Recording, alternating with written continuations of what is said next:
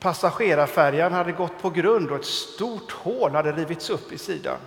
Inom en halvtimme var båten, hade båten sjunkit under vattenytan.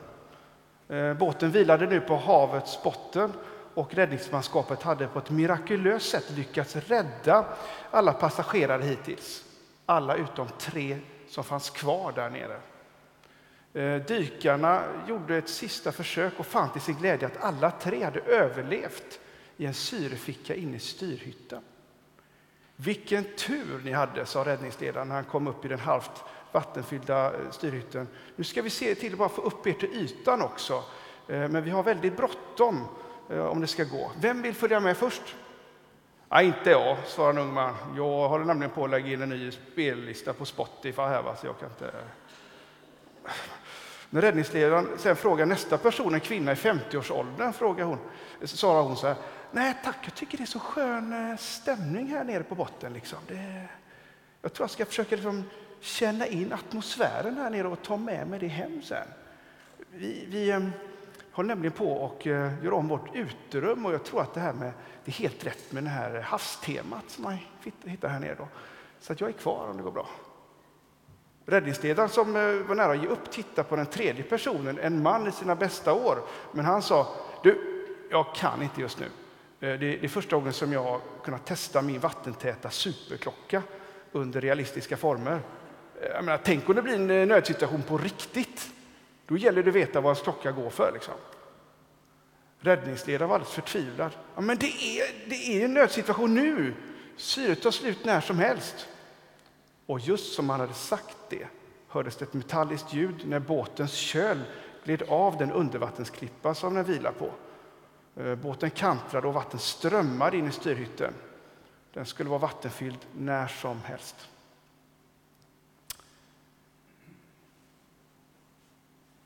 Har ni hört eh, vilka som är de fem vanligaste sakerna som folk eh, ångrar på sin dödsbädd? Några av er har kanske gjort det. Jo, den första är jag önskar att jag har vågat leva ett sannare liv och att jag inte brytt mig så mycket om vad alla andra förväntade av mig. Och på andra plats kommer jag önskar att jag inte hade jobbat så hårt. Och på tredje plats jag önskar att jag hade vågat uttrycka mina känslor mer. Och på fjärde jag önskar att jag hade hållit kontakten med mina vänner bättre. Och på femte, jag önskar att jag hade låtit mig själv vara lite lyckligare. Men varför blir det så här för oss? Varför tappar vi bort det viktiga? Liksom? Jag har inte det fullständiga svaret på det, det har säkert inte ni heller. Men livet är som bekant komplicerat och ibland, det tror jag att vi alla har känt, så är det som att det finns ett motstånd inom oss mot att göra det som vi vet är det viktigaste. Eh, det som skulle göra både oss själva och våra medmänniskor friare, sannare och till och med lyckligare. Alltså jag borde ju ringa upp den där gamla kompisen som vi blir lite ovänner. Så här, ringa upp, och, det var så länge sedan vi hördes av. Men ni får vänta, det funkar inte nu. Liksom. Jag ska åka till soptippen med massa grejer här. Och egentligen så borde vi, tycker jag, leva lite mer sundare, lite, äta mer grönt, inte minst för miljöns skull. Kanske röra oss mer. Men eh, det, får, det kan inte bli nu, det får bli längre fram. Jag hinner inte det nu. Och som troende kanske några av oss tänker, men vi borde kunna ha lite mer tillfällen när vi bara var tillsammans och bad en kort bön. Liksom. Men det är inte nu, vi ska ju köra till hockeyn liksom. Vi går inte göra det nu. Ja, vet. Och det finns säkert massa olika saker som vi har. Va? Poängen är att vi så lätt ägnar oss åt det som är näst viktigast istället för det som vi innerst inne vet skulle ge oss liv. Och I dagens evangelium så fick vi höra Jesu liknelse om mannen som bjöd in till en fest. Mannen som bjuder in i Gud. Och att få vara med på den här festen, det är vad hela livet går ut på egentligen. Att få leva fullt ut i, i Guds rike, i gemenskap och kärlek till Gud, människor och sig själv. Det liv som vi innerst inne anar finns och längtar efter och som vi säkert har känt ibland. Och till det här, det absolut viktigaste vi överhuvudtaget kan bli inbjudna till, så får mannen de här svaren. Ja, men jag har ju köpt en åker, va? jag är tvungen att se på den. Va? Och förlåt, jag kan inte komma. Ja, jag, jag har ju köpt fem par oxar, jag kan inte komma. Liksom. Jag har gift mig då, så jag kan inte komma. Då. Så i förhållande till den här festen som Gud bjuder in till så är det ju blaha blaha-svar egentligen. På ett sätt viktiga saker som höll på med, men i förhållande till det det handlar om så är det ju inte lika viktigt.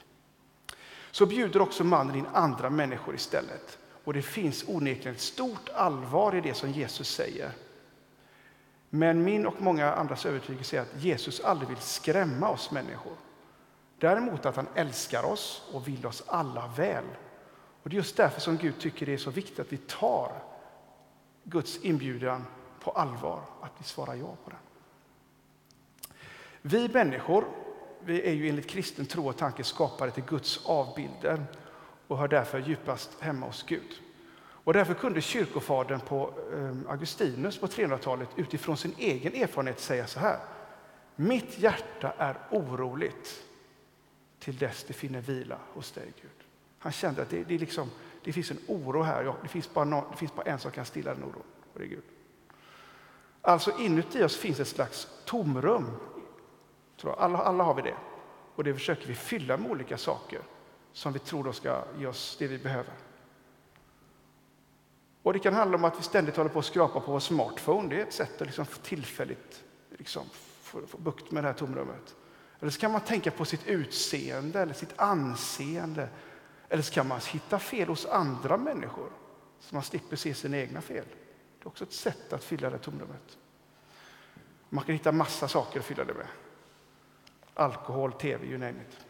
Saken är bara att inget av det här på djupet kan lugna ditt och mitt oroliga hjärta, fylla vårt inre tomrum.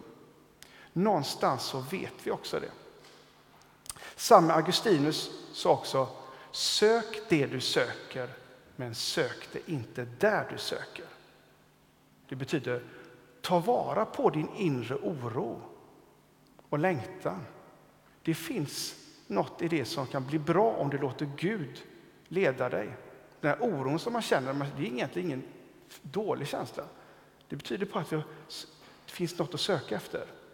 Sök det du söker, men sök det inte där du söker. Vi får öppna oss för Guds ande, kärlekens ande som vill leda oss dit där vårt hjärta kan få ro. För det är den heliga Ande som kan göra det. Vi ska söka där det finns något verkligt gott att få. Men det är så lätt, det vet vi alla, att vi söker det näst viktigaste. Ehm, vi får istället tacka ja till Guds festinbjudan. Tacka ja till Jesus som vill ge oss av den glädje som ingen ska kunna ta ifrån oss. Jesus som säger, jag har kommit för att ni ska ha liv och liv i överflöd. Men hur gick det med de tre passagerarna på havets botten? Jo, dykarna gjorde ju ett sista försök att rädda de som fanns kvar.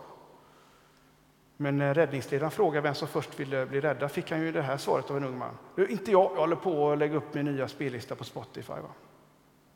Och sen frågade ju räddningsledaren en kvinna i 50-årsåldern, men hon svarade Nej tack, jag tycker det är så skön stämning här nere. Och jag tror att eh, jag vill vara kvar och känna in atmosfären lite och ta med mig det hem. Liksom.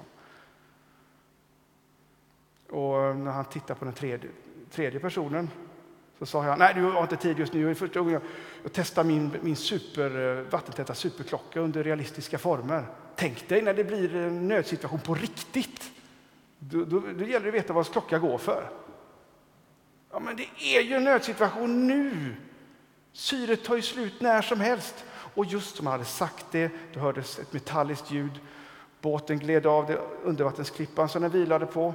Den kantrade, vattnet strömmade in fyllde styrhytten helt och hållet. Och räddningsledaren hörde en stark signal. Och han vaknade. Det var hans nya vattentäta superklocka som låg på nattduksbordet som väckte honom. Ute i det andra rummet hördes musik från hans spellista på Spotify. Han tittade på inredningstidningen som låg bredvid honom i sängen. På omslaget var det en man och en kvinna som såg så där fejklyckliga ut i sitt nyrenoverade uterum. Allt hade varit en mardröm. Han eh, stängde av sin superklocka och sin telefon. Inledningstidningen åkte i papperskorgen.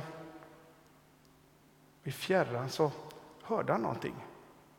Han, han, han käkade frukost snabbt, tog sig ut, satte sig på cykeln, cyklade ut i den friska luften. Han hörde det igen, det var kyrkklockorna som ringde. Det var en härlig försommarsöndag. Om man skulle cykla bort till kyrkan och vara med på gudstjänster. Det var ett tag sedan sist.